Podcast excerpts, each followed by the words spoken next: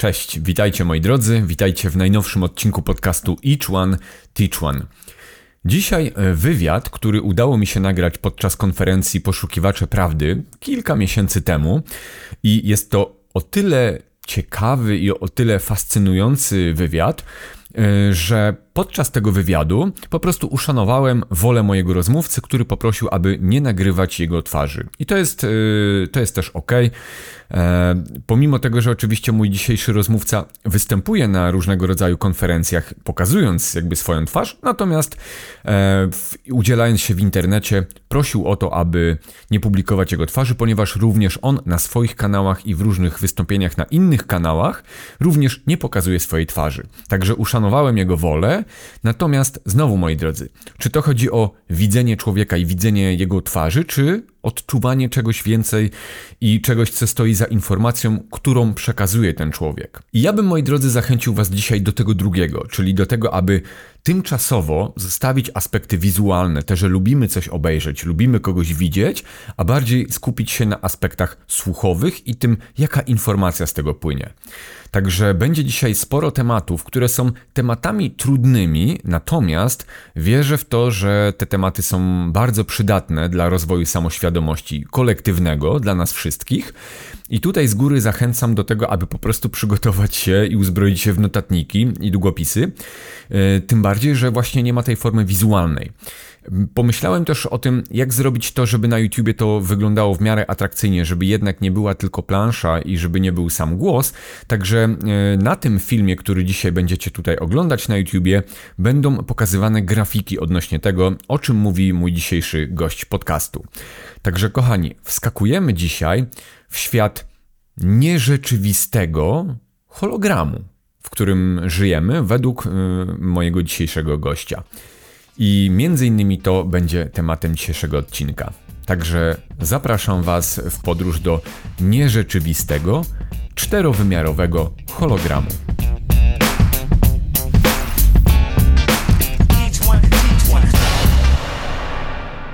John Veto, witaj.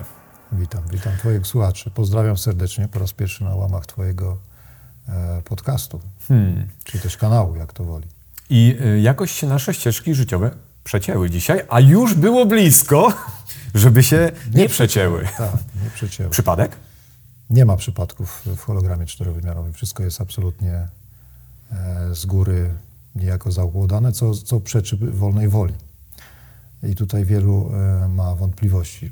jak, się, jak badania pokazują bezsprzecznie, płat czołowy wie na 6 sekund to o tym, co się wydarzy. Mhm. Płat potyliczny na 3 sekundy, a serce ponoć na 90 sekund wie, co się wydarzy.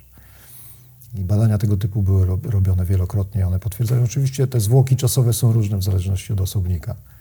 Niemniej jednak fakt, że coś negatywnego, bo zwłaszcza na te jesteśmy uczuleni, że one się wydarzą takowe, to już o tym nasz organizm wie. Mhm. Włącznie do e, nakłuwania palca i e, reakcja następuje szybciej niż mózg potrafi wysłać informację do palca, że nastąpił ból i w związku z powyższym ma nastąpić jakieś nerwowe ugięcie. Nie? To są mhm. sprawy bezsprzeczne. Nie? One budzą wiele kontrowersji, no bo tutaj te doświadczenia pokazują ponad wszelką wątpliwość, że wolna wola jest niejako zachwiana. Mhm. I to już jest pytanie filozoficzne bardziej natury, nie? Czy mamy tą, posiadamy tą wolną wolę, czy też jesteśmy projektorami, ja to nazywam projektorami pewnych zdarzeń, które zostały z góry ustalone. I ta projekcja odbywa się w holograficznej rzeczywistości. A mhm. nasza świadomość bierze e, tu kluczowy udział. Co byś powiedział o, właśnie o tym, że to my projektujemy tą rzeczywistość? E, na to to mam niewiele do powiedzenia, ja tylko mogę przedstawić fakty. Nie? Mhm. Double Slit eksperyment nie zostawia żadnych wątpliwości, że świadomość jest kluczowa. Kluczowa z punktu widzenia kreacji materii. Tak? Czyli dopóki świadomość nie zaangażuje się jako obserwator danego zjawiska, nie następuje załamanie korpuskularno-falowe i do tego momentu e, świat nauki przyjął, że mamy do czynienia z e, falowością zjawisk. Tak? Mhm. Czyli tak zwana materia przybiera falowość i, nie, i do momentu, w którym nie pojawi się obserwator. Pozostaje pytanie, czy on jest świadomy, czy nie, ale to jest jakby kwestia innego zagadnienia. Kiedy pojawia się obserwator, natychmiast materia staje się, albo fala, fala staje się materią. Hmm. I to jest bezsprzeczny fakt. I to jest u podstawy tego faktu e, w zasadzie leży całe zrozumienie, że świadomość jest kluczowa z punktu widzenia e, zjawiska zwanego hologramem czterowymiarowym. Mhm. Jest na to oczywiście masy innych argumentów. Drugim takim kluczowym, dla mnie fundamentalnym y, przykładem y, faktu, że istniejemy w holograficznej rzeczywistości jest fakt, że światło w każdym układzie zamkniętym inercjalnym biegnie z tą samą prędkością. Czyli jeśli w pociągu biegnącym z prędkością mamy przykładowo dworzec kolejowy, na którym stoi obserwator, e, drugi obserwator znajduje się w pociągu, który to porusza się wobec pierwszego z prędkością światła, a wewnątrz tego pociągu biegnie wiązka laserowa również z prędkością światła, to zarówno dla obserwatora na stacji kolejowej to, to światło osiąga prędkość światła, jak i obserwatora wewnątrz pociągu. On też widzi to z prędkością światła. To oznacza, że te dwa, ci dwaj osobnicy generują swoistego, zamk- swoistego rodzaju zamknięty układ informacyjny. Układ inercjalny, którego ja nie do końca tego sformułowania lubię, ale przyjmuję, że na dzień dzisiejszy jest to sformułowanie, które akceptuje świat nauki. Układ inercjalny, w którym to obserwator jest kluczowym z punktu widzenia tego, co się zdarza we, wewnątrz tego układu. I to są fakty. Z nimi nie mo- znaczy można dyskutować o ich interpretację, natomiast co do faktów, one są bezsprzeczne. Obserwator ma kluczowe, e, kluczowy wpływ na generowanie tak zwanej materii. No i jak się okazuje, też prędkość światła jest również związana z obserwatorem. Mm, Właśnie, a propos jeszcze mm, tego generowania tak naprawdę naszego świata zewnętrznego, bo też pojawia się bardzo często y, opis tego, że to, co my generujemy tak naprawdę do zewnątrz, jest to swoją jakby formą jakiegoś hologramu. Y, w takim razie, czy my projektujemy hologram jako rzeczywistość naszą, w której funkcjonujemy? Ja sądzę, że my nie, nie projektujemy tak naprawdę niczego. Nie? Jeśli weźmiemy nawet dzisiejszy układ y, okulary VR, założysz na oczy. Było takie doświadczenie robione. Naukowcy grali na początku, jak pojawiły się komputery i taka przysłowiowa gra w ping-ponga tam była, nie? I wtedy już stworzono takie proste, pierwsze y, VR-owskie okulary. To był początek, połowa lat 90. mniej więcej. I okazuje się, że po kilkudziesięciu minutach gry z wirtualnym przeciwnikiem, gość, który prowadził tą grę, chciał odłożyć paletkę na stół. Po pierwsze, nie miał paletki w dłoni, tylko dłoń była tą elementem, tam miał tylko elementy odblaskowe na dłoni. Po drugie, nie było żadnego stołu. Mózg tak szybko się zaadaptował do, do warunków, w których brał udział, że absolutnie wytworzył obraz rzecz, pewnej rzeczywistości. Stąd wyciągam konkluzję, że wcale nie jest potrzebna projekcja zewnętrzna, że świadomość mowe, może wewnątrz swojej zamkniętej struktury wytworzyć świat wirtualny. Czyli to, co y, nazywamy w świecie ofowym często, że świat y, jest y, duchowy sam w sobie, nie? czyli ten wszechświat, to, to co widzi teleskop Jamesa Webba, samo w sobie jest już świadomością, jest zapewne prawdą. Czyli istnieje jakaś metaświadomość, ja to nazywam w ten sposób, że istnieje metaświadomość, która w ramach swoich zasobów wykreowała podświadomości, które to kreują swoje światy. I które to, tu, których to kreacja wcale nie nosi znamion zewnętrzności. My oczywiście doświadczamy tego jako zewnętrzne, materia jest zewnętrzna, jak walniesz głową o ścianę, to będziesz czuł wszystkie aspekty, ale jest to, jest to kreacja, która ma w określony sposób wywołać w moim mózgu określone reakcje. I teraz weźmy taki prosty przykład. Jeśli zapalę świeczkę i postawię ci ją przed oczyma, to twoje oko w- dokona analizy tego światła i zamieni ją na falę e, elektryczną. I poprzez neurony do, do, do tylnej części mózgu obraz zostaje w postaci elektrycznych syg- sygnałów przesłany. I pytanie zasadnicze, skąd mózg wie, jak interpretować te sygnały na to, że to jest świeczka? To jest pierwsze podstawowe pytanie. Skąd mózg rozumie, że to, te sygnały ma interpretować jako świeczkę? Nie ma interpretować, ponieważ on niczego nie interpretuje. On wytwarza obraz wewnątrz siebie. I, i tutaj jest, y, y, zapomniałem nazwiska, ale jeśli sobie przypomnę, to przytoczę. To jest y, doktor psychologii, który razem z Davidem Bohmem, znaczy był zafascynowany podejściem Davida Bohma, który w 70 latach e, stwierdza, że ten świat składa się z dwóch elementów.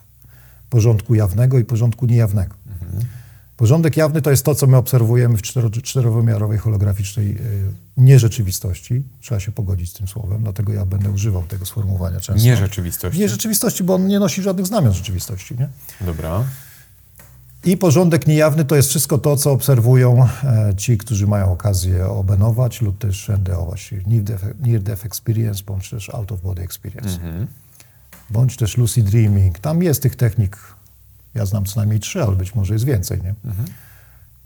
Wystarczy przewertować doświadczenia tych istot, tych jaźni, bo ja nazywam to jaźniami, bo w tym kategorii, jak my to rozumiemy, człowiek jest, jest tylko iluminacją albo pewnym wyobrażeniem, tak, że ja jestem człowiekiem, co zresztą Robert Monroe e, mówi w swoich książkach, opisuje, nie, że na pewnym etapie uznał, że nie musi po, używać powłoki cielesnej, tak zwanej cielesnej mhm. i przechodzi w stan energetyczny. Nie? Ta energia jest już formą jakąś istniejącą. Tak?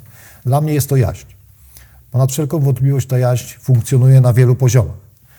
O dwóch mogę się wypowiadać, bo mhm. o tych dwóch coś mogę wiedzieć. Natomiast w pozostałych nie mam absolutnie żadnej wiedzy i e, dla mnie to jest już kwestia zupełnie czystych hipotez, bo słyszymy w świecie ofowym o e, światach, e, o wymiarach sześciowymiarowych, siedmiowymiarowych, ośmiu. Ja absolutnie nie mam żadnej wiedzy na ten temat, mhm. więc nie mogę się na ten temat mhm. wypowiadać.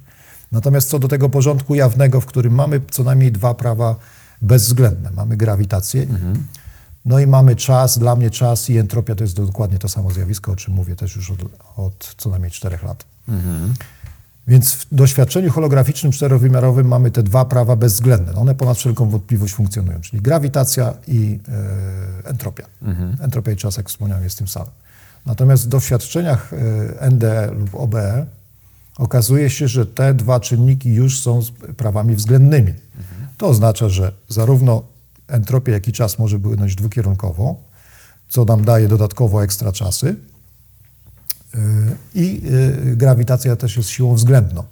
To znaczy, że istoty, które poruszają się w tym świecie astralnym, y, mogą latać, tak? Mogą się, mhm. a poza tym nie rozumieją też, albo inaczej, nie tyle nie rozumieją, co nie muszą korzystać z praw dostawania się, po, pokonywania punktów, między, znaczy dystansu między punktem A i B. Tak. To się dzieje jako just like mhm. that za pstryknięciem przysłowiowego palca, tak? Czyli mają pragnienie być w Egipcie, natychmiast stają się w Egipcie. Mają pragnienie zobaczyć, jak wygląda kraniec Układu Słonecznego, widzą go, tak? Dostają się na kraniec Układu Słonecznego. Nie za dużo y, czytałem doświadczeń odnośnie, co się dzieje poza Układem Słonecznym, bo takich doświadczeń ja w sumie nie znajdowałem, że tam ktoś powiedział, chce być na Alfa Centauri albo, nie wiem, na Andromedzie, tak? którymś, mm -hmm. z którymś z układów gwiezdnych, bo to też byłoby ciekawe. Być może nie ma takiej potrzeby, być może też ten e, hologram jest ograniczony do Układu Słonecznego. Ja tego nie wiem. Oczywiście tutaj się pewnie pojawią, e, pojawi ma, masę kontrowersji w komentarzach odnośnie tego, że świat jest płaski i tak dalej.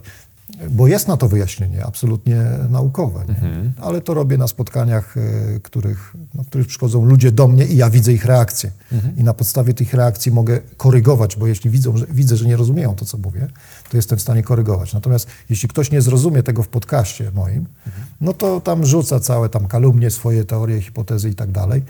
A ja nie mam szans wyjaśnienia mu y, faktu, że czegoś mhm. nie rozumie. Nie? I dlatego unikam tego typu sformułowań czy dyskusji na, na podcastowych spotkaniach, y, jaki świat jest. Nie? Bo skoro jest holograficzny, to trzeba sobie zadać proste pytanie i to Jacek Sokal mówi wprost. Nie? Skoro jest holograficzny, to dlaczego miałby być taki lub inny? Nie? Mhm. I nie rozwijam celowo tego wątku. Ale tu chciałem jeszcze zahaczyć jeden wątek. Zahaczaj. Powiedziałeś czterowymiarowa. Czterowymiarowa. A przecież tak wszyscy operują y, terminologią trójwymiarowa albo 3D. No cóż, to pewnie do ostatniego dnia co tej mojej bytności w czterowymiarowej holograficznej rzeczywistości będę to powtarzał i jak mantrę. Istniejemy w trzywymiarowej y, rzeczywistości, która określa trzy y, wielkości, w sensie odległość, lewo, prawo, oś w trzech osiach x, y, z oraz czas, który jest absolutnie, ponad wszelką wątpliwość powiązany. W związku z powyższym, dlatego w, w ogólnym teorii względności Einsteina mówimy o czasu przestrzeni. Mhm. Nie da się oddzielić czasu od przestrzeni. To jest po prostu fizycznie niemożliwe. Jedno bez drugiego po prostu nie istnieje. Albo tworzymy e, przestrzeń, w związku z powyższym bierzemy na kark fakt, że istnieje czas, albo go nie bierzemy. I to sformułowanie, które powtarzam wielokrotnie, jeśli umówię się z kumplem o godzinie 8.02 pod żabką, a on zrozumie mnie źle i przyjdzie o 8.03, no to się nie spotkamy. Mhm. Jeśli ja wrócę ponownie o 8.04, a jego tam już nie będzie, bo opuścił właśnie minutę temu ten obiekt, nigdy nie dojdzie do zdarzenia. Mhm. Absolutnie istotnym, e, bezwzględnym czynnikiem jest czas. Nie da się ustalić żadnego zdarzenia bez czasu. Mhm. Dlatego czas jest integralną częścią tej, tej rzeczywistości i mówimy o czterowymiarowej rzeczywistości i to jest bardzo duża nieścisłość dla mnie. Ja jako półkul, lewo półkulowiec dla mnie to jest bardzo ważne, nie? żeby mówić o konkretach i te konkrety muszą się opierać na, na zjawisku. Mhm. Natomiast oczywiście jak, jakbym rozmawiał z dzieckiem i to dziecko tam do mnie mówi, że istnieje w czym w rzeczywistości i wiem, że nie pokona tej bariery zrozumienia, czym jest oś czasu, no to absolutnie godzę się na fakt, że to dziecko pojmuje ten świat w trójwymiarowym. Absolutnie będę, zaakceptuję fakt, że e, prawnik, adwokat będzie poruszał się w sferze nazewnictwa trzywymiarowego. Natomiast jeśli mówię do, do ludzi, którzy spodziewam się, że zrozumieją przekaz, no to mówię wprost. To jest czterowymiarowa rzeczywistość i należy ten fakt zaakceptować. Mhm. Mówmy konkretami. Podobnie jak mam problem z nazewnictwem typu metal. Dla mnie to jest coś nie, nie, nie do zaakceptowania, bo metali tak naprawdę do czynienia z metalami mamy w bardzo wąskim zakresie, jest to 5-6% zjawiska. Mhm. Pozostałe, e, pozostałe to, co my nazywamy metalem, jest stalą. Hmm. Dlatego bądźmy konkretni i nazywajmy rzeczy takimi, jakimi są. A jak nauka akademicka to yy, jakby opisuje? Z tego co ja wiem, no to raczej opisuje w postaci trójwymiarowej. Tak, akademicka nauka również popełnia ten sam błąd zaniechania w postaci powielania tego samego błędu. Każdy fizyk, niezależnie od tego, czy jest teoretykiem, czy jest fizykiem technicznym, musiał na pewnym etapie swojego życia poznać ogólną teorię względności. Mhm. A skoro poznał ją i prawdopodobnie nawet może pamięta częściowo, może nie w całości wzór ogólnej teorii względności, który dla profesora Messnera jest ekstatycznie piękny, ja może nie podzielam tej ekstazy, ale jest to naprawdę wspaniały wzór, czysty, piękny, symetryczny wzór, opisujący jak ten świat wygląda. Z którego to wzoru wynika ponad wszelką wątpliwość, że istnieją czarne dziury, z którego to wzoru również wynikało, że świat się rozszerza i, i co nie było, z czego nie był w stanie Einstein zaakceptować, w związku z powyższym wprowadza stałą, która ma korygować tego, to mhm. rozszerzanie tego wszechświata, co uznał później jako katastrofalny błąd i publicznie się przyznał, że to był jego największa, największy błąd jego życia, że wprowadził tą stałą, która koryguje rozszerzanie się wszechświata i wiele, wiele innych aspektów, które dzisiaj się dowiadujemy. Odnośnie soczewkowania grawitacyjnego, to wynikało również z ogólnej teorii względności, a to od chyba kilkunastu miesięcy mamy e, dowód w sprawie w postaci zdjęcia zrobionego przez Jamesa Webba, gdzie ogniski, ogniskowanie soczewkowe, czyli tak zwany krzyż Einsteina jest widoczny. Mhm. Polega to na tym, że gwiazda, która się znajduje poza obiektem niewidzialnym, czyli przesłaniającym nam tą gwiazdę, mhm. soczewkuje w czterech punktach swój, swój, e, swój e, wzór aspektu e, światła widzianego. I to widzimy jako swoistego rodzaju krzyż. Nie? Dlatego to potocznie nazywa się krzyżem Einsteina. Więc e, naukowcy oczywiście słyszeli, doskonale wiedzą, że nie istnieje trójwymiarowy świat. Oczywiście mhm. doskonale wiedzą, że czasoprzestrzeń jest jedną strukturą, nie dającą się oddzielić. W związku z powyższym mówimy o czterowymiarowym świecie. Oczywiście oni to korygują, jak już rozmawiają ze swoimi studentami, to to już mówią, nie? Natomiast jak spotykają dziennikarza, no to mówią mu tak, jak wszyscy uznali, nie? W trójwymiarowym świecie istniejemy, w związku z powyższym ta, ten ogólnie e, powielany błąd niestety stał się tak dominującym źródłem opisowym w, tym, w tej nierzeczywistości holograficznej, że mhm. stał się już niejako faktem, wszyscy mówią trójwymiarowej. Ja i może jeszcze parę osób tutaj próbujemy korygować. Oczywiście jest to czasami wartka z wiatrakami, ale mówię, do czasu, kiedy nie zejdę z tego ziemskiego łezpadołu, do tego momentu będę edukował wszystkich, że żyjecie w czterowymiarowej, holograficznej nierzeczywistości. Jakkolwiek wam się to podoba lub nie, takie są fakty. Mhm. Kolejny temat to jest temat też dosyć bardzo szeroki i nadal ponoć nieodkryty. Świadomość. Też mm, poruszyliśmy przed chwilą, jakby wspomniałeś kilkukrotnie o słowie świadomość. No i jak to u Ciebie, jakby z Twoich badań, z Twoich poszukiwań, jak to wygląda? Czym jest świadomość? Bo już tyle jest teorii teraz, jak czytam o świadomości, oni próbują to scharakteryzować, jakoś opisać i tak dalej, to się rozjeżdża. No, na to możemy patrzeć co najmniej z dwojakiego punktu widzenia. Czyli na dzisiaj mamy sytuację, w której tworzy się sztuczna inteligencja. Tak? W związku z powyższym, żeby stworzyć tą inteligencję, to potrzebujemy, są przynajmniej takie prowadzone trzy modele. Mamy model behawioralny, model kognitywny i model pre, pre, prekognicyjny, tak? I z tych, na bazie tych trzech modelów, które są integralną częścią e, działania mózgu, tak zwanego mózgu, tak? E, gdybyśmy w ten sposób na to popatrzyli, no to mówimy o, o swoistego trójlogizmie intelektualizmu, tak? Mózgu, tak? Bo my mhm. uznajemy, w ogóle świat nauki uznaje, że świadomość jest zakotwiczona w mózgu. Tak. Czyli świat opiera się absolutnie na materii, czyli przyjął model materialny wszystko, co robimy w świecie fizyki i wszystko, co robimy poza tym światem, nazwijmy to e, ofowym, w którym ty i ja się poruszamy, to wszystko dla pozostałych członków gry zwanej życie jest materią. Mhm. I, I cokolwiek e, są w stanie zbadać, jest materią. W związku z powyższym założono również, że świadomość jest materią, czyli jest tam, mamy synapsy, e, które się komunikują poprzez e, wyładowania elektryczne, bo mózg jest ponad wszelką wątpliwość maszyną elektryczną. I tam uknuto, że w związku z tym, o właśnie, nazwisko, które sobie właśnie przypomniałem, Karl Pribram. To Karl Pribram jako pierwszy dostrzegł, że świadomość może być zawieszona i absolutnie jestem tutaj zwolennikiem. Dla mnie nie teorii, to jest wiedza. E, świadomość niejako splątuje się z układem elektryczno-energetycznym mózgu i poprzez to wytwarza świat wewnątrz swojego, tak jak wspomniałem wcześniej, wewnątrz swojej, nazwijmy to jestestwo, bo ja też nie mam nazewnictwa na to, nie? czyli w ramach swojej, swojej domeny informacyjnej. Więc świadomość dla mnie jest, e, tak jak to nazwał e, to, MTJ, moja totalna jaść, Robert Monroe, mhm ta moja totalna jaźń z tego poziomu blisko piątego wymiaru, tak? Bo ponad wszelką wątpliwość istnieją jakieś wyższe wymiary. Ja nie mam wątpliwości, tylko mówię, nie mogę się wypowiadać, bo nie mam żadnej wiedzy na ten temat. Że ta świadomość działa na wielu wymiarach i ona w zależności od tego, angażuje swoją, e, swoje zasoby intelektualne w zależności od tego, jak bardzo chce się zaangażować w grę. Mhm. Jeśli chce się zaangażować w grę czterowymiarowej holograficznej rzeczywistości, tak jak mówi to E, opisują pacjenci Michaela Newtona, no to jest to zaangażowanie na, kilku, na poziomie kilku, kilkunastu procent, w zależności od tego, czy ten, to doświadczenie ma być typu hard, czy ma być typu soft. Mhm. Jak ma być miękko, miło i przyjemnie, to 4-5% wystarczy. Jak mam być kaleką i mam, mam doznać wszystkich yy, niefajnych spraw związanych z doświadczeniem czterowymiarowej nierzeczywistości, w związku z powyższym angażuję wyższe zasoby w postaci tam 18-19%. Mhm. Tak przynajmniej zapamiętałem z tego, co przeczytałem e, u Michaela Newtona.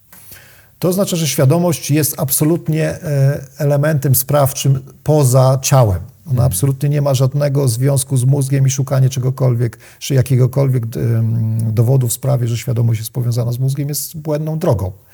Zresztą świat do dzisiaj tak zwanych naukowych psychologów, czy tam specjalistów, neurologów, którzy próbują znaleźć tam świadomość, nigdy jej nie znajdą wszystkiego najlepszego. Oni oczywiście mogą szukać, no ale skoro przyjęliśmy model materialistyczny, no to nie możemy powiedzieć nagle tak zwanym ludziom, słuchajcie, ludzie, no wiecie, rozumiecie, towarzysze, musimy zrozumieć, zaakceptować fakt, że świadomości nie ma w mózgu. No to jest mhm. po prostu walące totalnie beretem o ścianę i nie pozwalające na dalszą dyskusję. To by mhm. oznaczyło, że musimy zaakceptować fakt istnienia wyższej świadomości, zwanej czasami Bogiem, wyższą, wyższą jaźnią, pierwszą przyczyną praprzyczyną, jakkolwiek, jakikolwiek zaimek tam nie wstawimy. A to, a to kompletnie rzuca świat nauki na kolana. Mhm. A świat nauki nie jest na to gotowy. I ludzie nie są na to gotowi. No, wiesz co, ostatnio y, fajne stwierdzenie y, znalazłem w jakimś wywiadzie, nie pamiętam, z jakimś tam y, profesorem, który otrzymał informacje o właśnie, powiedzmy, podobne tego typu, które ty mówisz. I ten profesor powiedział wprost, no my nie możemy teraz od nowa napisać nauki. No bo trzeba by od nowa napisać naukę. I on tak wskazał na całą stertę takich yy, segregatorów, ksiąg, jakichś starych do fizyki i tak dalej. On mówi, widzisz te wszystkie książki?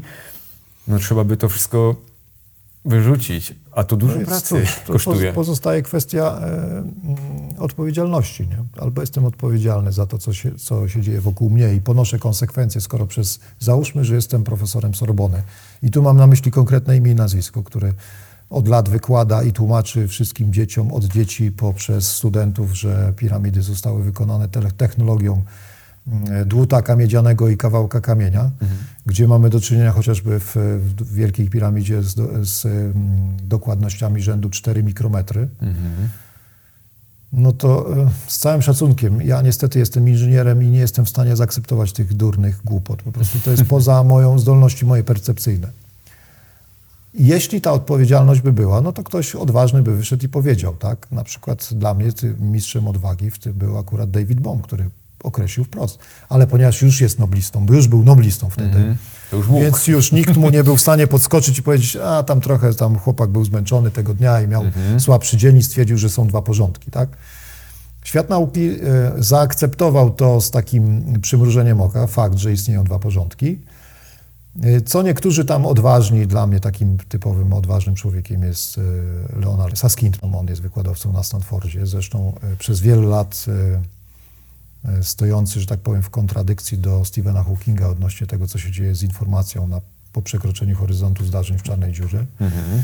która to dywagacja trwała od y, przez co najmniej dwadzieścia kilka lat. Informacja, skoro już jesteśmy przy tej informacja, nie ulega destrukcji na, i to też mamy konsensus na dzień dzisiejszy po przekroczeniu albo tuż przed horyzontem zdarzeń, bo tu jeszcze możemy mieć dywagację, co się dzieje z informacją, kiedy wchodzi w moment, kiedy to czas dąży do plus nieskończoności, czyli ulega swoistego rodzaju zamrożeniu. W związku z powyższym z logicznego punktu widzenia nie może być zniszczona. I z tego założenia wychodził Saskind, nie? ale póki nie było, nie dokonało się karkołomnego, mm, karkołomnych zadań matematycznych, póty nie można było tego do, dowieść. Tak naprawdę fizyka teoretyczna opiera się na matematyce. Matematyka jest królową nauk ponad wszelką wątpliwość i to ona jest ostatecznym e, sędzią wydającym wyroki.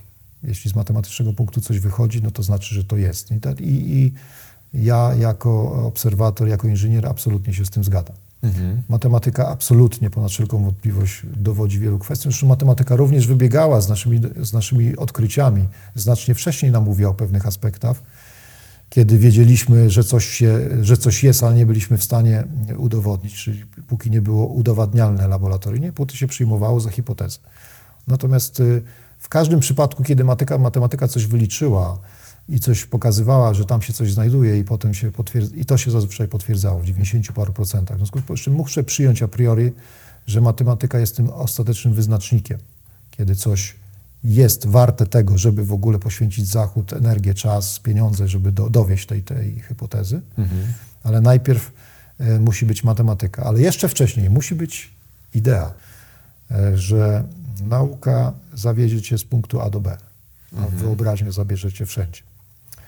I to, e, o czym mówi Meissner, e, profesor Meissner, którego darzysz wielkim szacunkiem, e, że fundamentalną rzeczą z punktu widzenia obserwatora, w tym przypadku nazwijmy to fizyka, teoretyka, to jest zdolność zadawania doskonałych pytań. Są dobre pytania, bardzo dobre i doskonałe. Dobre pytanie to jest typu, jak się dzisiaj czujesz. Nie? To jest dobre pytanie, nie wiem, mówisz. Ale doskonałe pytania to już jest e, wyższa szkoła jazdy i bardzo, ale to bardzo rzadko potrafimy je zadawać. A z mojej obserwacji współczesna ludzkość e, całkowicie utraciła zdolność zadawania dobrych pytań. Hmm. Ostatni taki doskonały okres w mojej ocenie to jest okres e, czasów rzymskich, kiedy mieliśmy starych filozofów, Platona, Demokryta i wielu innych, chociażby Kratesa mało znanego, którego uwielbiam, Mhm. Gdzie doskonałe pytania padały, nie? bo wynikały z intelektu. Współczesny świat nie kocha intelektu. Mhm. Współczesny świat e, kształci, czyli kształci określone jednostki ludzkie do pewnego e, modelu. Mhm. W najmniejszym stopniu nie pobudza e, w tak zwanym człowieku wątpliwości i pytań, które by go pociągnęły do jakichś fascynujących pytań, a za tymi pytaniami rodziłyby się fascynujące odpowiedzi. Mhm. Świat nie generuje. W, moj, w moim timeline, nie? bo my doświadczamy absolutnie różnych timeline'ów. W ogóle świat nie jest obiektywny. To ponad wszelką wątpliwość. To jest stricte powiązane z obserwatorem. Moje pytania i moje doświadczenia generują w mojej linii czasowej określone aspekty. Mhm. Jeśli będę zainteresowany, załóżmy zjawiskami UFO, bo tu będzie parę osób ufologicznych na spotkaniu, to jest rzeczą oczywistą, że w ich linii czasowej po- pojawią się zjawiska, które będą nosiły znamion UFO. Niezależnie od tego, skąd się one pojawiły, bo ja tu też mam swoje, swój punkt widzenia i on się również opiera na nauce. Mhm. skąd pochodzi UFO, dlaczego jest i dlaczego znika i dlaczego nigdy nie przyleci tutaj z armadą z, sal, z samolotów, y, statków kosmicznych i nie przywiezie technologii, którą chcemy, żeby przywiozła. Z wielu prostych rzeczy, ale żeby te, na te proste pytania odpowiedzieć, trzeba zadać doskonałe pytania. A ludzkość nie chce zadawać. Nawet e, te osoby, które poznałem z tego świata ufologicznego, a pierwszą taką postacią to jest dla mnie Deniken jeszcze z lat 80., nie? kiedy on te pytania zadawał. I on też dzisiaj już z perspektywy widzę, że zadawał bardzo dobre pytania, ale nie zbliżał się do doskonałych. Natomiast świat ufologiczny w ogóle nie zadaje doskonałych pytań, w związku z powyższym nie otrzymuje odpowiedzi, otrzymuje tylko pewien, pewien system, znaczy zjawisko powonienia zjawiska. Czyli czujemy jakiś zapach, coś nam się wydaje i, i, i mamy wrażenie, że za tym coś jest więcej, no ale zadajemy złe pytania. Dlatego skoro zadajemy złe pytania, to i odpowiedzi są niewłaściwe. Mhm. Nawet powiem Ci właśnie w tym wątku UFO, jak y, oglądałem w Kongresie Stanów Zjednoczonych, jak było przesłuchanie tych trzech, powiedzmy, wysokiej rangi oficerów, to powiem Ci, że te pytania, które kongresmeni zadawali, oczywiście one były przygotowane na kartkach i tak dalej przez jakichś tam ludzi, którzy im to Asystentów. przygotowują dokładnie. Tak, asystenci robią robotę. To dosłownie może dwóch, y, jedna kongresmenka i jeden kongresmen, może na tych kilkudziesięciu, którzy zadawali pytania, mieli jakieś konkretne pytania. Reszta to były pytania krzaki, które do niczego nie prowadziły kompletnie. I po prostu ci ludzie nawet nie mieli na co odpowiadać. Były pytania typu, czy to jest y, zagrożenie dla bezpieczeństwa narodowego oczywiście. I oczywiście było, tak, oczywiście, że jest, bo widziałem, że to może zrobić to i to. To są no, banalne pytania. I te pytania nie zaprowadzą do rozwiązania jakby całej, całej tej sytuacji. Y, Pytanie, czy w świecie politycznym ktokolwiek potrafi zadawać pytania doskonałe? Zapewne tak. Są wyspecjalizowani szpecy od manipulacji populacją ludzką, ludzką i oni zadają te pytania, tylko że te pytania są zadawane w kuluarach i odpowiedzi padają w kuluarach. I wnioski wynikające zostają w kuluarach, natomiast efekty tych pytań i odpowiedzi są już testowane na tak zwanej ludzkości, która y, ma problem z łączeniem dwóch kropek. Kiedyś czytałem e, na temat tego, jak, jaki jest współczynnik zrozumienia informacji przeczytanej. No, No, był powalającym. Tam 60 parę procent ludzi po przeczytaniu tekstu zupełnie nie wie, co przeczytało. Nie, nie jest w stanie opowiedzieć to, co za treści, odtworzyć treści, którą tam przeczytało. To świadczy o tym, że w takim razie informacja przeczytana nie jest w stanie w żaden sposób e, przedrzeć się przez ignorancję. Tak? Ignorancję, która jest na życzenie. To, to ludzkość, ludzie na, na własne życzenie chcą być nieświadomi. Nie? I w tym znaczeniu e, intelektualnie świadomi. Ja nie mówię o świadomi w sensie rozwoju duchowego, bo to już jest w ogóle inna, inna para kaloszy. no tak, bo często też się słyszy, że ktoś mówi, ja wolę nie wiedzieć.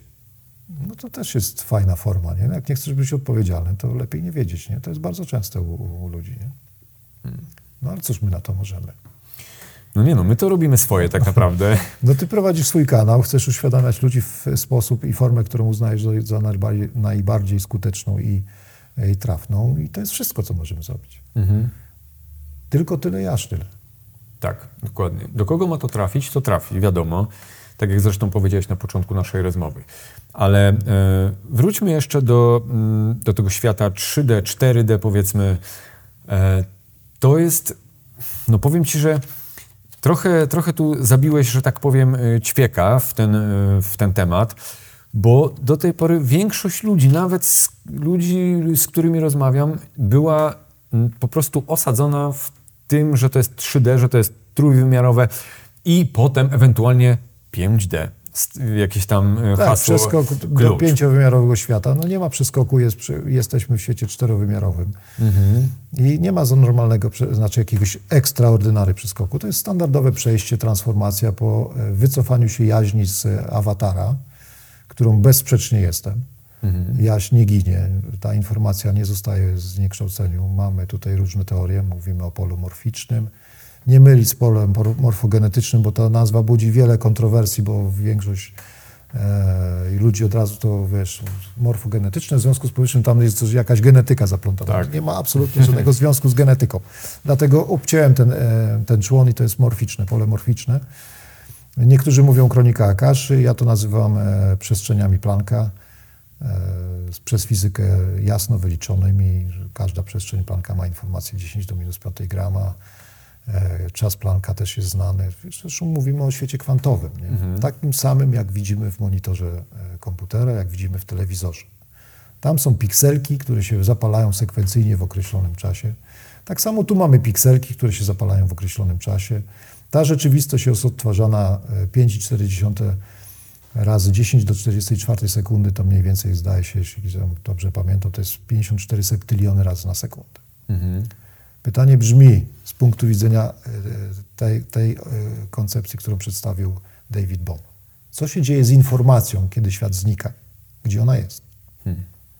No musi gdzieś być źródło zapisu, że za chwilę ma odtworzyć się świat według takiej konfiguracji, która była poprzednio, ale już zmienionej o pewne parametry. No. W komputerze mamy to pamięć. Czyli każdy zapis jest e, dokonywany w pamięci i pamięć podręczna w typu RAM jest tym accessible Tak. memory, która dostarcza informację, że w tym momencie elektrony, czyli bramki takie i takie mają się otworzyć i elektrony mają przepłynąć w układzie TTL stąd dotąd. Ale musi być ten backup. W związku z powyższym przyjmuję a priori, że również E, W tym świecie holograficznym istnieje swoistego rodzaju zapis memory, do, do, do który to jest y, źródłem genery, generowania informacji po y, zgaszeniu i zapaleniu się światła. Ruch posuwisty, każdy ruch mojej dłoni nie jest wcale ruchem płynnym. Moja dłoń znika i pojawia się 54 septyliony razy na sekundę, ale pojawia się o, w innej czasoprzestrzeni, w innym układzie odniesienia. Jako obserwator, ty i ja siedzący przy tym samym stole widzimy niemalże to to samo. No ale mamy też równanie Schrödingera, które to nie zostawia e, żadnych wątpliwości. Serena Williams, kiedy strzela rakietą w, w piłeczkę z prędkością bodajże 36 metrów na sekundę, jeśli dobrze pamiętam. Jeśli ktoś tam będzie mnie poprawiał, mogę się mylić, ale tak zdaje się, że tak pamiętam. Mniej więcej to jest jeden z na, jedna z czołowych rakiet świata. To ona właśnie osiąga tak duże prędkości, bo to jest duża prędkość, 30 metrów, 36 metrów na sekundę. Ta piłeczka przemieszcza się w przestrzeni, ale niepewność jej położenia wynosi 10 do minus 11 metra. To, że my widzimy piłkę jako jeden punkt, który się porusza, to jest tylko fakt, że nasze perceptory mają tak, tak wyostrzony zmysł interpretacyjny, ale ta piłeczka jest, znajduje się między jednym a drugim punktem. I te, te dwa punkty są skrajnie od siebie oddalone o 10 do, do minus 11 metra. Oczywiście to jest bardzo mała wielkość, nie? Ktoś powie tak mała, że w ogóle pomijalna, ale jest faktem naukowym. jest. jest faktem naukowym. To znaczy, że piłka poruszająca się z tą prędkością, niewielką, bo to jest bardzo mała prędkość. Im bardziej zbliżamy się do prędkości światła, tym bardziej mamy rozmyty obraz. To oznacza, że obiekty, które zbliżają się do prędkości światła, załóżmy, że ten długopis byłby w stanie rozpędzić się, ja byłbym w stanie mu nadać taką prędkość, to na pewnym etapie, powiedzmy 0,8, 0,9, 0,95 c, to jego długość, którą szacuję w tej chwili na 18 cm, nagle się okaże, że tu mamy dylatancję długości i on może mieć nawet kilka kilometrów długości. Dlaczego tak jest? Z prostej przyczyny. Procesor obsługujący ten hologram ma określoną wydolność. I ta wydolność wynosi 10 do minus 44 razy na septyliona. A prędkością graniczną odtwarzania zjawisk jest prędkość światła. Z przykrością potwierdzam, że żyjemy w holograficznej rzeczywistości. I teraz pytanie, co jaźnie z tym zrobią? Albo co ludzie, jak to woli, z tym zrobią faktem. Oczywiście pojawia się wyparcie natychmiast. Nie no, przecież ja jestem materialny, tak? Tu wszędzie jest materia, my mówimy o materii. Yy, Wyparcie znane zjawisko doskonale przez analityków, psychologów, kogo tam jeszcze, kto tam się zajmuje tymi, tymi zjawiskami. Pojawia się wyparcie. Nie jesteśmy w stanie zaakceptować pewnych rzeczy. To jest, to jest tylko kwestia odwagi, nie? Czy, czy mój umysł intelektualnie sobie z tym poradzi i co zrobi z tym faktem, kiedy już zaakceptuje fakt, że istnieje w holograficznej rzeczywistości. Ja, ja sam osobiście przeżyłem taki dylemat, kiedy zrozumiałem, że jestem w hologramie, tak? I w pierwszym etapie tego pojmowania byłem trochę zdołowany, żeby nie nazywać bardziej tego dosadnie. Natomiast dzisiaj patrzę, jak potężne możliwości daje mi fakt, że, jestem, że, że żyję w symulacji komputerowej albo w symulacji opartej na jakiejś formie sztucznej inteligencji. I jakie to możliwości mi daje, skoro dzisiaj w tych, jak ktoś by powiedział, bardzo ograniczonych warunkach, no, skoro hologram to musi być ograniczony, no, ale jesteś dowodem w sprawie, żywym dowodem w sprawie, że ten hologram jest naprawdę bardzo mało ograniczony. Możliwości są nieograniczone. Chociażby z samego punktu widzenia intelektualnego. Jeśli ktoś uparłby się i przeczy, chciałby przeczytać wszystkich filozofów starożytnej Grecji, bo od tamtego czasu to co tam mamy, Kanta i może jeszcze ze dwóch byśmy znaleźli, i to jest cała bida i nędza związana z filozoficznym aspektem e, istnienia. Jeśli ktoś by się uparł, że, że przewertuje prze, przynajmniej przeczytanie Timaiasa i Critiasa, chociaż jedną książkę Platona i wyciągnie jakieś sensowne wnioski, albo zrozumie jaskinię Platona, której to ja, Platon już sam mówi, że my widzimy tylko obraz pewnego rzutu światła na temat tego, co tam się dzieje za naszymi plecami. Tak. Jak przewertujesz to, przynajmniej ja mówię w tej chwili o sobie, przewertowałem, e, ja nie mówię, że czytam wszystkich, bo to byłaby świętokradztwo, ale jestem zafascynowany tą filozofią, tą starożytną filozofią, to jakie to we mnie wywołało wrażenie? Jaka uczta intelektualna? Bo jeśli przestaję myśleć w- o sobie w kategoriach humanoidalnych, czyli większym dla mnie fascynacją jest e, e, zabawa intelektualna niż fakt tam pompowania i podnoszenia ciężarów i potem wiesz, to pokazywania. Jaki to nie jestem piękny, nadobny, przystojny i jeszcze Na silnie, dobrze na Instagramie dobrze zbudowany. a zagłębię się w, w, w tych zawiłościach intelektualizmu, no to to jest fascynujące. To jest absolutnie zupełnie, wstawia mnie zupełnie w innym świecie. Skoro Monroe ma, miał rację, a skoro widział albo mógł się przykształcić for, energetyczną formę istnienia i nie przeszkadzał mu fakt, że nie miał czterech członków tych tak najbardziej oddalonych, czyli dwie ręce i dwie nóżki, i może małej główki, i był jakimś swoistego rodzaju eterycznym organizmem, i mimo tego, tej eteryczności e, odbywał e, stosunki seksualne z innym, innym eterycznym istnieniem, mhm. E, odbywał komunikację mm, poza, pozawerbalną, no to jakie ja mam ograniczenia? Mhm. To ja mówię tylko o świecie bez ograniczeń. Hmm. Wychodząc zupełnie poza schemat, który sobie narzuciłem z doświadczenia czterowymiarowego, to mnie stawia absolutnie w zupełnie innej kategorii pojmowania tego, czym jestem i, tego, i moich możliwości. Mhm. To w takich kategoriach rozumienia to mogę mówić tylko o, o możliwościach, a nie o ograniczeniach. No to właśnie jak, jak ty czujesz albo jak widzisz z twoich obserwacji, z twoich badań, co stanowi te ograniczenia? Oprócz jakichś indywidualnych ograniczeń ludzi, czy jest jakieś kolektywne pole, które ogranicza ludzi? E, czy istnieje kolektywne pole ograniczenia ludzi? Ja uważam, że e, każda jaść ma wszystkie narzędzia do tego, aby dysponować swobodnie swoją, swoim timeline'em. To, że tego nie robi, to jest tylko wybór. Mhm. To jest tylko wybór. Mogę być głupcem, idiotą, albo mogę być intelektualnie rozwinięty. Mhm. I w tych kategoriach nic, ale to absolutnie nic i nikt nie jest w stanie mnie powstrzymać. Mogę być e, bo, ubogi, mogę być niezdrowy, Mogę być kaleką, czytaj Stephen Hawking. Mogę być ograniczony w nieograniczonych możliwościach, ale intelektu nikt nie jest w stanie mnie zatrzymać. A skoro ja tego nie robię, to jest to tylko mój wybór. I tylko moja decyzja. To ja decyduję o tym, że nie chcę być taki lub inny. Nikt nigdy nikogo, przynajmniej nawet w tym doświadczeniu i taki, takiego timeline'u, który ja doświadczam, nie ma takiego ograniczenia, który by przyszedł i powiedział, założył mi kubeł na łeb i powiedział, od teraz nie będziesz myślał, tak? Bo ja ci tu puszczę prąd mhm. i od teraz w kuble będziemy mieć skrzynkę Faradaya, która ograniczy twój intelekt i od dzisiaj będziesz e, mógł się poruszać w czterech, w trzech, dwóch osiach w poziomie, lewo, prawo, tył, przód i to jest wszystko, tak? Mhm. Takiego ograniczenia nie widzę. Niemniej jednak mm, w moim timeline tak zwane jednostki ludzkie rezygnują z tego, z tego dobrodziejstwa. Mhm. Fajnie jest włączyć świecący prostokąt, a tam wszystko świecący prostokąt ci powie. Czytaj tak o Hemingway, polecam. Jak ktoś nie słuchał, to doskonała muzyka. Mhm. Ale polecam ze zrozumieniem słuchać tekstów. Mm, no ale właśnie, ale z drugiej strony, patrząc tak już z przyziemnego punktu widzenia, jednak bardzo często ludzie powiedzą, on mi nie pozwala czegoś zrobić, to ona mi nie pozwala przejść moich ograniczeń, to mój szef w pracy, to jednak w tych kategoriach nadal ludzie myślą.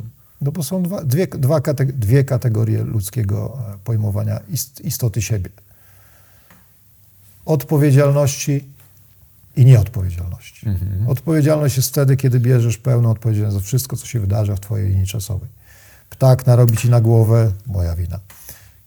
Pani kierowczyni walnie ci w tylną część twojego samochodu, twoja wina.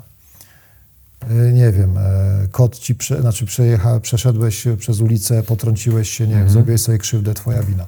To wtedy to jest, to bierzesz pełną odpowiedzialność za wszystko, co zrobiły, co się wydarzyło w twojej, w twojej linii czasowej. Ponad wszelką wątpliwość stoisz ty. Mhm. I tutaj polecam, mogę reklamę Mieczysława Bielaka dla tych, którzy mhm. chcą rozumieć, jak, jak działa tak zwane lustereczko czyli wszystko, co się dzieje wewnątrz mnie jest, e, ekspanduje na zewnątrz, tak zwane zewnątrz, bo jak wspomniałem wcześniej, tak zwane zewnątrz nie istnieje, no ale dobra, w tych kategoriach lepiej, lepszego zrozumienia przyjmijmy na chwilę, że istnieje tak zwane zewnątrz. To tak zwane zewnątrz jest zawsze li stricte odzwierciedleniem mojego stanu wewnętrznego. Mhm. Czyli jest, jeśli we mnie jest spokój i to, o czym e, Eckhart Tolle mówi, jestem w tu i teraz, czyli jestem uważny w tej chwili, i moja, y, mój intelektualizm jest absolutnie spokojny. Wszystko mi służy, nic mi nie zagraża. Jestem panem swojego, swojego, swojej linii czasowej. To automatycznie, niejako a priori natychmiast świat zewnętrzny generuje tą samą informację. Mhm. Czyli jeśli spodziewam się, że jutrzejszego dnia albo dzisiaj wstając rano będę miał problemy, bo nie wiem, E, krzywo nasikał na mnie jakieś tam zwierzątko moje, załóżmy domowe. Przyszło, psikało i dla mnie to jest synonim faktu, że się coś złego wydarzy. Czyli y, ni- robię nic innego, jak y, zawiązuję kontrakt z y, hologramem. Tak? Hologram dostarczy mi wszystkich informacji, które ma potwierdzić, że tego dnia będą się wszystkie aspekty, wszystkie zdarzenia będą szły nie w zgodzie z moją, y, z, znaczy nie w zgodzie z moją, z moją chęcią, tak? bo ja pragnąłbym dobrostanu, a dostaję E, Wychodząc z domu, e, pada deszcz, nie wziąłem parasola, e, taksówka, która mnie miała zawieźć do firmy, e, nie przyjeżdża, e, było ważne spotkanie, ja się spóźniam, w wyniku czego tam są konsekwencje wynikające z faktu, że mnie degradują. No nie, nieważne, zabierają mi premię i wszystkie negatywne aspekty. Ponieważ moje przekonanie było absolutne co do faktu, że dzisiejszego dnia ma się wydarzyć coś złego. To ja generuję tą informację. Jadąc pod y, jakikolwiek urząd, spodziewam się, że będzie miejsce parkingowe wolne. Zresztą ostatnio e, stanąłem na parkingu, gdzie było ponad 200 miejsc parkingowych, ale byłem w absolutnym przekonaniu, że tam będzie jedno miejsce. I było jedno, jedyne, dosłownie jedno, jedyne miejsce wolne dla mnie. A nie było to miejsce, gdzie co chwilę ludzie wyjeżdżają. To nie był sklep to- towarowy. W związku z powyższym tam ludzie wyjeżdżają co kilka dni. Tego typu parking. W związku z powyższym mogę się spodziewać, że nikt w perspektywie dwóch, trzech minut nie przyjdzie i nie zwolni mi e, miejsca parkingowego. No. Ponieważ byłem w pokoju wewnętrznym. Nie oczekiwałem żadnego innego rezultatu, jak fakt, że tam właśnie będzie miejsce parkingowe. Takowe jest. W związku z tym y, muszę przyjąć, przynajmniej w moim doświadczeniu, y, mienię się być, albo przynajmniej chcę uważać się za człowieka odpowiedzialnego, albo istotę odpowiedzialną, czyli przyjmuję y, w pełnej, w pełnej gamie doświadczeń to, co wszystko dostaję z zewnątrz, tak zwanego zewnątrz, jest y, wygenerowane przez moje wewnątrz. I to jest pierwsza kategoria, którą chciałbym, życzyłbym sobie, żeby e, ludzkość obrała, nie? czyli pełnej odpowiedzialności. I druga kategoria, która określa, że za wszystkimi zdarzeniami, które się przydarzają istocie w doświadczeniu w holograficznej, czterowymiarowej nierzeczywistości, powtarzam to z, z uporem maniaka. E, Tak, taka formułka jest. To jest taka formułka, tak. E, Jak miłość, akceptacja i co tam było jeszcze? Jeszcze były dwa aspekty. Mieczysław mi wybaczy. E, Wszystkie te aspekty, za wszystkie aspekty negatywne i pozytywne są odpowiedzialni oni, tacy, jacyś tam, e, mąż, żona, partner, dziecko, e, wspólnik, sąsiad, wszystki, wszyscy inni, ale nie ja. I z przykrością, a może nie, w sumie to mnie już nie jest przykro, nie? Niejako z takim umiarkowanym realizmem na to patrzę. Nie, z pełnym realizmem, cofam to. Z pełnym realizmem patrzę na to, że po prostu ludzie obrali taki tok e, doświadczenia. Po prostu za wszystko, co im się wydarzy, są odpowiedzialni jacyś oni i będą dostawać w taki lub inny sposób doświadczenia z czterowymiarowej, holograficznej rzeczywistości, ponieważ cały czas nie są w stanie zaakceptować faktu, że to oni generują tę informację. Informacja wewnątrz mnie jest generowana na tak zwane zewnątrz.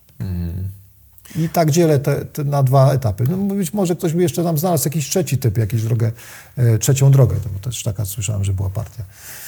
E, być może jest jakaś trzecia droga. Ja, ja, mój intelektualizm nie wchodzi w, to, w ten aspekt, bo nie jestem w stanie sobie wymyślić trzeciej drogi. Albo jesteś odpowiedzialny, albo nie. I sprawa jest prosta. Ale tu też y, powiedziałeś słowo klucz, oni w dużym cudzysłowie, bo bardzo często nawet powiedzmy w y, duchowym świecie, w jakimś świecie, nie wiem, ezoterycznym, y, nawet rozwoju samoświadomości, rozwoju osobistego, bardzo często nawet można zobaczyć po nagłówkach. Oni już po nas idą, albo oni zrobili to, prawda? Że jakby cały czas oni, oni, oni, że oni są jakimiś opresorami. O co tutaj chodzi? No, dokładnie, to o czym wspomniałem. No, nie chcę być odpowiedzialny, bo jest o wiele wygodniej. Tu mamy to do czynienia z czystym wyparciem, tak? O wiele wygodniej jest wyprzeć z siebie fakt, że jestem odpowiedzialny za wszystko i zwalić na onych i to zwalnia z mnie z jakiejkolwiek odpowiedzialności. Tak? Bo skoro oni coś zmajstrowali, no to skoro mi przy, powiedzieli, że mi zabiorą, no to oni przyszli i mi zabrali. No i tyle. No. No to, to jest wybór. To jest wolna wola.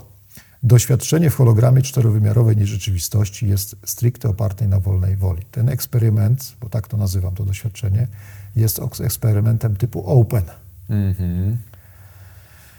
w którym to e, mają nastąpić pewne czynniki, które mają pokazać, jak zachowa się dany osobnik, tak? jak już patrzymy z punktu widzenia stricte człowieczego, tak? żywota człowieczego. Jeśli żywot człowieczy zdecyduje się, że właśnie takiego doświadczenia chce, typu wszystko zewnętrzne jest y, mi winne temu, co się tutaj dzieje, no to doświadcza tego, co doświadcza. Więc to jest kwestia wyparcia, nie? wyparcia, niechęci, tak? Znaczy, bo to wymaga też pewnego wysiłku, nie? Najpierw trzeba dokonać wysił, wysiłek zrozumienia, czym jestem. Dobra, chrzanić, czym jestem. kim jestem, tak? Chcę poznać, kim jestem, tak? Zrozumieć siebie w aspekcie społeczno-etyczno-moralnym w środowisku, w którym się znalazłem. No ale żeby potrafić właściwie opisać to, czym, kim jestem, no to potrzebuję mieć po pierwsze jakiejś metodologii e, nazewnictwa tego, tak? No bo jak chcę przynajmniej z kimś y, przedyskutować tą kwestię, no to muszę posługiwać się jakimś językiem.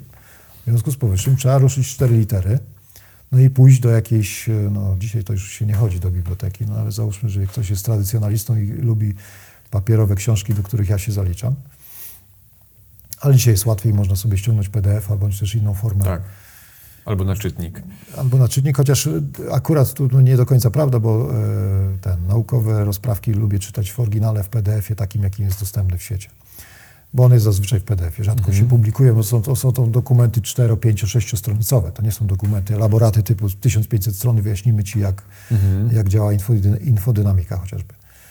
Mm, Są to dokumenty kilkustronicowe i one są bardzo, wiesz, jasno tam, gdzie jest wprowadzenie, o czym będzie, te, o czym jest rozprawka, czego chcemy dowieść, jaka jest teza i tak dalej, w jaki sposób to dowiedliśmy i na jakich to elementach, em, e, nazwijmy to laboratoryjnych, byliśmy w stanie, ogólne sformułowanie laboratoryjnych, byliśmy w stanie dowieść tej tezy. To wymaga wysiłku. Tak. A współczesny humanoid nie lubi wysiłku. Współczesny humanoid lubi TikToka, bo jest szybki i daje ci możliwość zaangażowania w 90 sekund. Tam nie wiem, jak długi czas tam można nagrać, ale zakładam, że jest to kilkadziesiąt sekund. I w 90 czy tam 60 sekund y, ma być zawarta treść, forma, wszystko. Nie da się czegokolwiek zrobić w 90 sekund. 90 sekund można zrobić tylko debilizm, idiotyzm. I przepraszam za sformułowanie, jeśli kogoś to rani. Nie da się zrobić niczego sensownego w 90 sekund. Ale to absolutnie niczego sensownego. Wszystko, co zabiera ci mniej czasu niż 90 sekund, jest po prostu tylko częścią składową grubszego procesu. A to oznacza, że tylko dotykam pewien bardzo wąski zakres szerszego procesu. A jeśli ten proces, nie daj Boże, tak jak w tym TikToku, zawiera się w te 60 sekund, to samo o tym świadczy, że, że wartość, no nazwijmy to intelektualna, chociaż to jest grube przerysowanie, jest praktycznie zerowa. No ja zawsze na przykład polecam ludziom, żeby jak sobie lubią oglądać te TikToki, prawda, już mają, albo niektórzy są uzależnieni od tego, obejrzyj jednego TikToka, zanim przejdziesz do następnego, zapauzuj ekran i zrób sobie chwilę świadomego oddychania na przykład. Powiedzmy 30 sekund, prawda, takie proste ćwiczenie. I potem puść, obejrzyj następny, zatrzymaj kolejny. I oczywiście nikt tego nie robi, wiadomo, ludzie nie potrafią tego wytrzymać, nawet takiego ćwiczenia, nawet przez pięć takich scrollów, prawda, żeby pomiędzy włożyć świadome oddychanie. Dlaczego? Jak robiłem jakby research wśród ludzi, pytałem o co chodzi, to ludzie mówią, że to jest jakieś wkurzające to oddychanie, po prostu jest irytacja w tych ludziach wtedy, prawda? To też pokazuje, jak ten system neuronalny jest rozregulowany dzięki takim TikTokom na przykład. No wiesz, ludzie generalnie nie są spójni sami ze, sobą, sami ze sobą. Mają problem z przebywaniem sam ze sobą samym. Tak? Jeśli ja potrzebuję, nie wiem, e, czekam gdzieś, tak? I to jest fascynujące, o czym pisze w e, Potędze Teraźniejszości Eckhart Tolle, nie? Jeśli ja nie potrafię przebywać z samym sobą, a nie potrafię skupić się na, te, na tej chwili tu i teraz, czyli przenieść swoją uwagę na cokolwiek, w moim przypadku jest to akurat natura. Tutaj mój mózg szybko się angażuje w wchłonięcie, w obserwację natury. Jeśli ja mam z tym problem i muszę wyciągnąć, jestem uzależniony, muszę wyciągnąć świecący prostokąt po to, żeby zrobić tam przegląd TikTokowy, no to czego mam się spodziewać, nie? Skoro tak prostej bariery intelektualnej albo nawet no, fizycznej w tym przypadku, nie? Nie wyciągam tego, mimo że wiem, że go mam, tak? To jest ten obrazek, który zobaczysz wszędzie, w parku, w poczekalni kolejowej, na dworcu takim lub innym, gdzie siedzi tysiąc albo setki ludzi i wszyscy mają świecący prostokąt przed oczyma. Oni już nie potrafią, ja czasami się zastanawiam, albo to jest taki, czy tam im mówią wdech, wydech, wdech, wydech i bez tego po prostu te podstawowe organiczne funkcje przestają funkcjonować. Nie? Być może tak jest. Oczywiście parafryzuję, tak? Tak, są uzależnieni, ale to jest z wyboru. To jest wyboru i takim, takim trzutkiem się fajnie e, rozgrywa. To jest cudowne. To, to, co mogą ci robić, którzy wiedzą, którzy zadali dobre pytanie w kuluarach i na te pytanie, na dobre pytanie znaleźli odpowiedź, która jest zawsze doskonała, bo dobre pytanie implikuje zawsze doskonałą odpowiedź. I nie w sensie, że ona jest jakaś fascynująca, tylko w sensie, że ona jest dobra, jest adekwatna, właściwa.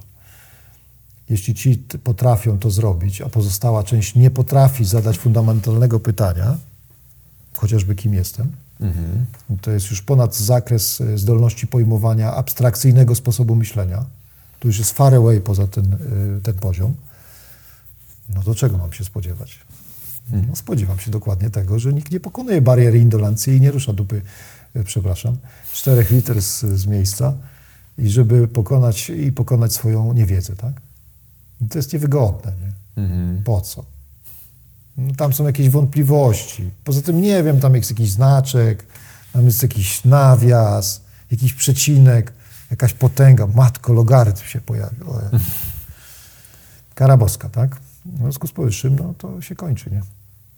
Trochę zamykając temat rozważania nad naszą świadomością tak naprawdę, bo o tym jest ten odcinek, jakbyś mógł polecić jakąś jedną prostą rzecz dla ludzi, którzy słuchają dzisiaj tego podcastu. Od czego według Ciebie na dany moment, oczywiście na teraz, mogliby zacząć, jeśli chodzi o właśnie, czy to rozwój samoświadomości, czy inne postrzeganie rzeczywistości? Od czego mogliby zacząć jako pierwszy krok? Czy książka jakaś, czy no, coś, co mogliby zrobić? Na to, na tak postawione pytanie odpowiedź brzmi nie, nie, nie mogę. Mhm. Natomiast mogę dać pewną radę. E, Mój szacowny kolega Andrzej Bazgier, którego kanał Uszy Duszy serdecznie polecam, e, przytacza e, swojego tajemniczego mentora, którym jest Baszar, o właśnie, Baszar. I ów Baszar tam po- podał taką, taką prostą receptę. Jeśli nie masz niczego, co cię bardzo kręci, znajdź 10 rzeczy, które cię, cię w ogóle w jakikolwiek sposób kręcą. I wśród tych rzeczy, jedna z nich, z tych 10 rzeczy, jedna jest odrobinę bardziej intelektualnie dla ciebie porywająca. Zaangażuj się, wejdź w tą rzecz. I z mojego punktu widzenia nie ma to absolutnie żadnego znaczenia, czy to będzie zbieranie znaczków, czy to będzie kopanie w ziemi i sadzenie kwiatków, czy to będzie ornitologia, czy to będzie, nie wiem jak się nazywa, nauka o motylach, jakoś tam się nazywa, czy to, czy to będzie cokolwiek, to nie ma absolutnie żadnego znaczenia. Jeśli skupisz się na tym, co cię odrobinę bardziej kręci, to niemal na pewno z mojego doświadczenia, niemal na pewno droga zaangażowania w tą rzecz albo w to zjawisko, albo w to hobby zaprowadzi cię dalej, odrobinę dalej, bo po drodze spotkasz pytania, na które nie będziesz znał odpowiedzi. Jeśli jest to ornitologia, to na pewno zafascynuje cię kwestia, gdzie, ten, e, gdzie ta zięba leci, którędy leci, a gdzie jest ta geografia przelotu, a po, po drodze po geografii już, a tam coś się dzieje, a gdzie jest punkt docelowy, a co ona tam robi w okresie zimowym. Każde pytanie, dobre pytanie, nawet słabe pytanie rodzi następne pytanie. I Każde pytanie rodzi chęć poznania te, odpowiedzi na to pytanie. I siłą rzeczy na pewnym etapie y, Twojego doświadczenia znajdziesz moment, w którym zaczniesz zadawać bardziej fundamentalne pytania. I tak jak powiedziałem, niezależnie od tego, od czego zaczniesz, każde z tego rodzaju hobby gdzieś Cię zaprowadzi. I nawet jeśli nie zaprowadzi Cię daleko albo blisko w, w sfe- sferze duchowości, to nie ma to absolutnie żadnego znaczenia. Bo nikt nie określił mnie, że ja schodząc z tego ziemskiego łezpadołu muszę być świadomie rozwinięty. Moja jaźń i tak funkcjonuje znacznie na wyższym poziomie. A te doświadczenie, które tutaj mam w tej czterowymiarowej holograficznej rzeczywistości jest tylko malutkim, nawet nie promilem wszystkich doświadczeń, które zebrałem na bazie istnienia swojego w wielu wymiarach, w wielu tak zwanych czasach, chociaż czas na pewnym etapie przestaje funkcjonować albo mieć znaczenie. Jest to doświadczenie holograficznej rzeczywistości jest tak znikome, tak malutkie, ale każde doświadczenie, każde, każde źdźbło e, fascynacji, którą ze sobą zabieram, jest wartością samą w sobie i tą fascynację zabierasz. Tą fascynację kodujesz w twojej totalnej jaźni, która odczytuje doznanie. Bo rzeczą e, dla mnie absolutną, e, absolutnym faktem jest to, że jaźń nie jest zainteresowana poznaniem. Jaźń nie interesuje, jak funkcjonuje świat w sensie, e, że istnieje jakaś grawitacja, że jest jakaś materia, jakieś powłoki konwalencyjne na atomach, że jakieś związki chemiczne powstają. Jaźni to absolutnie nie interesuje. Oczywiście rozumiem, że ludzi to interesuje, jak wygląda chemia organiczna, jak wygląda chemia nieorganiczna i jak, co, co z, tego, z tego można zrobić. I to jest, to jest też dobre. To jest też swoistego rodzaju hobby. Ale niezależnie od tego, jaki rodzaj hobby będziesz e, uprawiał, to to hobby pozwoli ci otworzyć intelekt. ta furtka jest już rozstrzelniona. Na Mhm. początku to światełko jest tam przebijające się przez to otwarte drzwi, jest niewielkie, ale wystarczające, żeby oświetlić Ci drogę do zadawania następnych pytań. Więc tak, tylko w ten sposób mogę rekomendować. Nie ma żadnej książki jednej prawdziwej, którą po przeczytaniu nagle staniesz się taki rozwinięty, że idziesz na rynki, teraz mogę z każdym walczyć. Nie? nie ma jednej drogi. Każde z naszych doświadczeń jest subiektywne i zawsze takie było i będzie. I jaźń, ta totalna jaźń ma swoje plany co do tego, co mam tutaj zrealizować. I te plany w takim lub innym stopniu realizuję. A czy zgodnie z zapotrzebowaniem, też dla jaźni to nie ma znaczenia. Jaźń interesuje tylko doznanie, bo to jest forma informacyjna, która nie jest w stanie wygenerować w sobie, bo to jest coś nieznanego. Jak osobnik A zareaguje w środowisku B z faktami C, jak sobie z tym poradzi. To jest fascynujące dla jaźni. Cała reszta jest absolutnie niefascynująca. Można by powiedzieć, że to, co mówisz, jest mm, niepojmowalne dla wielu ludzi, którzy będą tego słuchać. Można by tak Cóż powiedzieć. ja mogę z tym poradzić? Natomiast to nie oznacza właśnie, że z, tego, z tej rozmowy naprawdę, jak słuchacze dobrze sobie porobią notatki, to mogą wyłowić mnóstwo perełek ciekawych. No, nie tylko z tej, mogą wyłowić z wielu innych rozmów z Twoich e, podcastów. E, uważny e, czytelnik albo uważny słuchacz w tym przypadku, zresztą każdy człowiek, który jest odrobinę lepiej tam, kumaty, nazwijmy to w języku potocznym, i interesuje go cokolwiek, to z każdej rozmowy, nawet przy budce z piwem jest w stanie wyłapać coś interesującego, jeśli tylko jest uważny. Tak? A jak nie jest uważny, no to nie musi, nie? No, zawsze ma do wyboru TikToka, nie? Kurczę, ten TikTok dzisiaj się przewijał już parę razy. No cóż, ja jestem zdecydowanym przeciwnikiem TikToka, Ja też. więc nie mogę, wiesz, powiedzieć, że to jest fajne, bo nie jest fajne. No. Aczkolwiek moja mama ostatnio przysyła mi yy, z TikToka, bo można otworzyć, jak się nawet nie jest zalogowanym na przeglą- w przeglądarce internetowej na telefonie i mówi, Michał, pan Roman.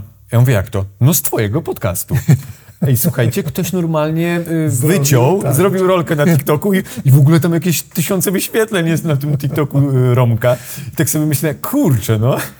Ale i potem sobie tak chwilę podczuwałem to i myślę sobie, to właśnie super. Niech nawet i na tym TikToku Tak, ten Roman będzie, tak, to co mówiłeś, że to jest ten wierzchołek, prawda? Jeśli ktoś się zatrzyma na chwilę, usłyszy to, co nawet mówił taki Roman, to po prostu można dalej gdzieś podążać po tym. I też właśnie nie ma co też, yy, no znowu, walczyć z TikTokiem, prawda? Nie, jesteśmy to- tutaj po to, żeby nie, walczyć z. TikTokiem. We- Wejście w formę walki jest automatycznym zawiązaniem kontraktu z Matrixem, e, to znaczy skoro chcesz walki, czyli tak zwani wal, walczący o pokój, wychodzący na ulicę Mhm. i przyjmujący tą formę protestu, bo to jest forma walki. No tak. Protest jest formą walki. No, może jest trudne do zaakceptowania, ale takie są fakty. Mhm. Zawiązałeś z Matrixem kontrakt. W związku z powyższym Matrix dokona ci wszystkich niezbędnych y, aspektów, żebyś miał jeszcze więcej powodów do walki o pokój. Hmm. Ergo dostarczy ci więcej wojen. I to jest to, czego em, nieuświadomiona albo ludzkość w ogóle sobie nie zdaje sprawy. Nie? Działa reaktywnie, bo przyjmuje, że e, to jest taka mo- moja nomenklatura. Czym różni się świadomy obserwator od obserwatora nieświadomego? Otóż obserwator świadomy to jest ten, który generuje informacje wewnątrz siebie, tu, tu lub tu, tu. I ta informacja wygenerowana w tym przypadku, powiedzmy chociażby ten stan pokoju opisywany przez Eckharta Tolle, ten stan pokoju musi, ale to absolutnie musi wywołać pokój na tak zwanym zewnętrzu. I to jest obs- świadomy obserwator. I drugi osobnik, nieświadomy obserwator, to jest ten, który reaguje na to, co przychodzi do niego z otoczenia zewnętrznego. Widzi, jest wojna, dobra, idę na ulicę, będę walczył przeciwko wojnie, tak? Będę protestował przeciwko wojnie. Tak. Yy, Coś złego się wydarzyło, w związku z powyższym znowu dokonuje innego działania, które mają przeciwdziałać temu działaniu. To jest zawią- zawiązany kontakt z Matrixem, yy, wygląda tak. Zawiązałeś ze mną kontrakt, w związku z powyższym teraz będę ci dostarczył wszystkiego powodów ku temu, żebyś był w fazie wojny. Bo ty wszedłeś w fazę wojny, uznałeś, że tylko ten sposób możesz cokolwiek zmienić.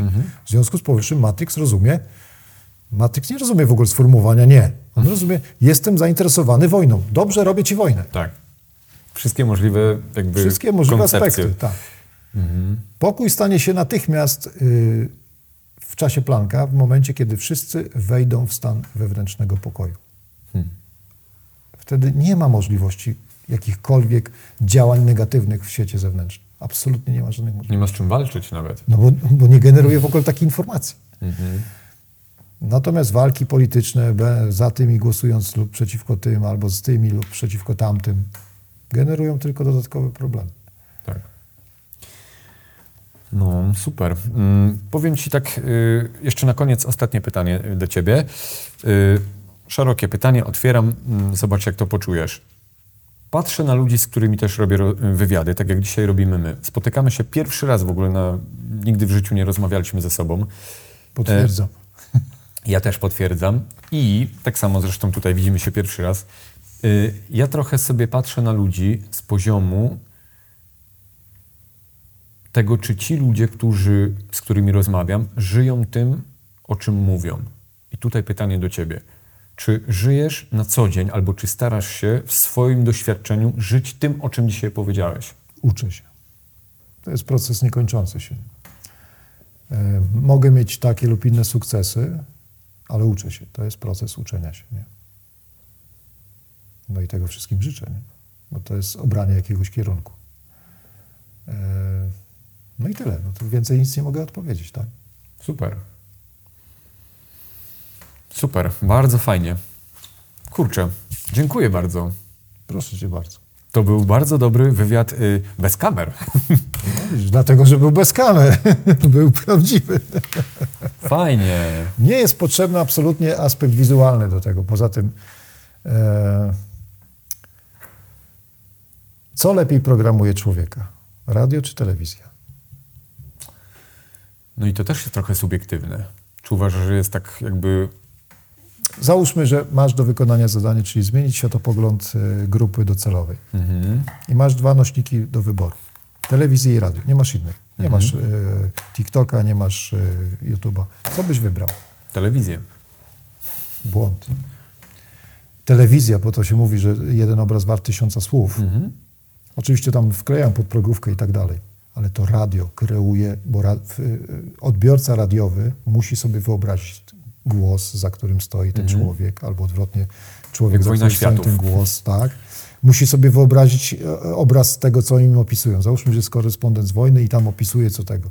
I to wymusza intelektualną pracę i podświadomość się włącza.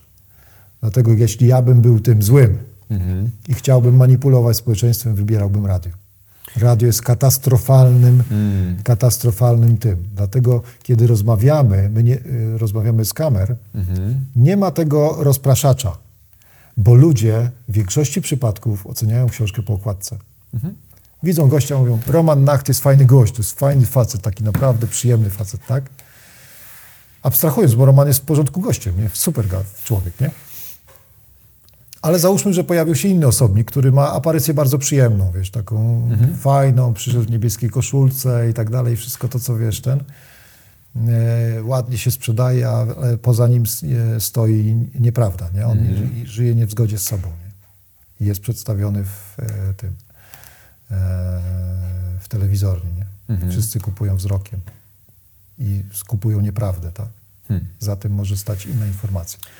Wiesz, to jest też ciekawe to, co mówisz. Yy, I trochę się zgodzę, i trochę się nie zgodzę, przez to, oczywiście. że wiadomo, jaki mamy dzisiaj świat, że jednak świat też jest mocno wizualny, ale fajne jest to, co powiedziałeś, bo tak, tak, tak mi przyszło, jak to wypowiedziałeś, że audio, czyli częstotliwości właśnie audio, yy, one są tak bogate i tak ubogacają przez to y, pobudzanie jakby naszej y, tej wyobraźni, że tak naprawdę ich jest mniej, a więc jest mniej ludzi, którzy mają ubogaconą wyobraźnię, dzięki niej mogą kształtować swoją rzeczywistość. Skoro właśnie y, wizualny aspekt, czyli właśnie obrazki, jakby częściej generowane są do ludzi i ludzie częściej konsumują tego typu treści, to siłą rzeczy, no niestety, po prostu ta jakość spada, prawda? Jakość y, bo poziomu świadomości ludzi. Tak, bo zaspokajają ich potrzeby wizualne, nie? Cu- Cukierki beznadziejne w dobrym opakowaniu się sprzedadzą szybciej niż cukierki bardzo dobre w złym opakowaniu. Mhm. I wiesz, i to jest też trochę. Ja kiedyś to y, mocno rozkminiałem i się zastanawiałem, co zrobić, żeby te informacje docierały do większej liczby ludzi. Przez 6 lat robiłem podcast tylko w formie audio. I dopiero od Jak momentu, kiedy wszedłem na wideo. YouTube'a, tak. I z drugiej strony pomyślałem sobie trochę inaczej. Jestem potrafię to robić, ponieważ to jest mój zawód, prawda, jako drugi zawód, wideoprofesja jakby, to skoro umiem to robić, to chcę pokazać to jak najlepiej, w jak najbardziej przyjemnej e, wizualnie formule dla ludzi. I sobie pomyślałem, ale oprócz wideo musi być konkret audio też, prawda? Nie tylko jakość, ale i treści. I zobaczymy właśnie, jak to wyjdzie. Dużo osób i tak pisze w komentarzach, że oni tak y, słuchają tych podcastów, Tak, prawda? Na Spotify wiesz, albo... Jadą samochodem i włączają sobie YouTube Dokładnie i słuchają. Nie? Zresztą dla mnie w ogóle ten aspekt wizualny nie ma znaczenia. Nie? Ja no w ogóle na to nie patrzę, ja tylko patrzę po treści. Forma jest dla mnie absolutnie, dlatego moje podcasty są takie ubogie, nędzne, bo po pierwsze szkoda mi czasu, wiesz, poświęca nam siedzieć, coś tam dłubać, jakieś rysunki wstać, to jest, to jest kupy pracy, zresztą sam to robisz, to wiesz, ile to czasu zajmuje. Nie?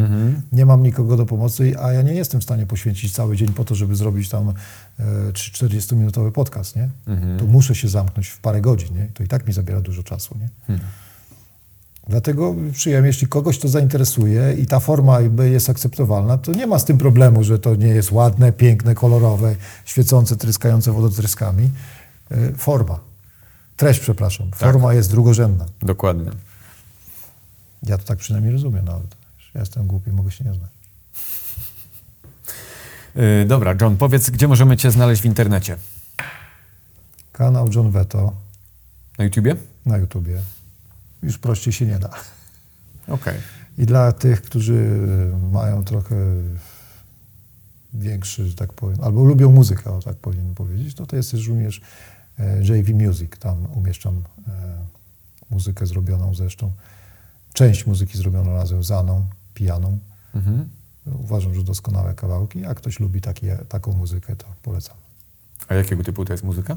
No jest to muzyka elektroniczna, nie? A, No i też jest muzyka z wokalem, nie? Taka, taka smooth jazz. Tam są, są ze trzy kawałki dostępne w tej chwili. Super. Zrobione z piano. Okej, Świetna dziewczyna także. Polecam. super. Panie i panowie, John Veto. Tak chciałem Dziękuję ładnie zakończyć. Dziękuję ślicznie wytrawnym słuchaczom, że wytrzymali tę gadaninę przez 40 parę minut. Super. Ja bym nie wytrzymał. Tego, to się wytnie. To się wytnie. Dobra, dziękuję Ci bardzo. Ja również dziękuję Tobie.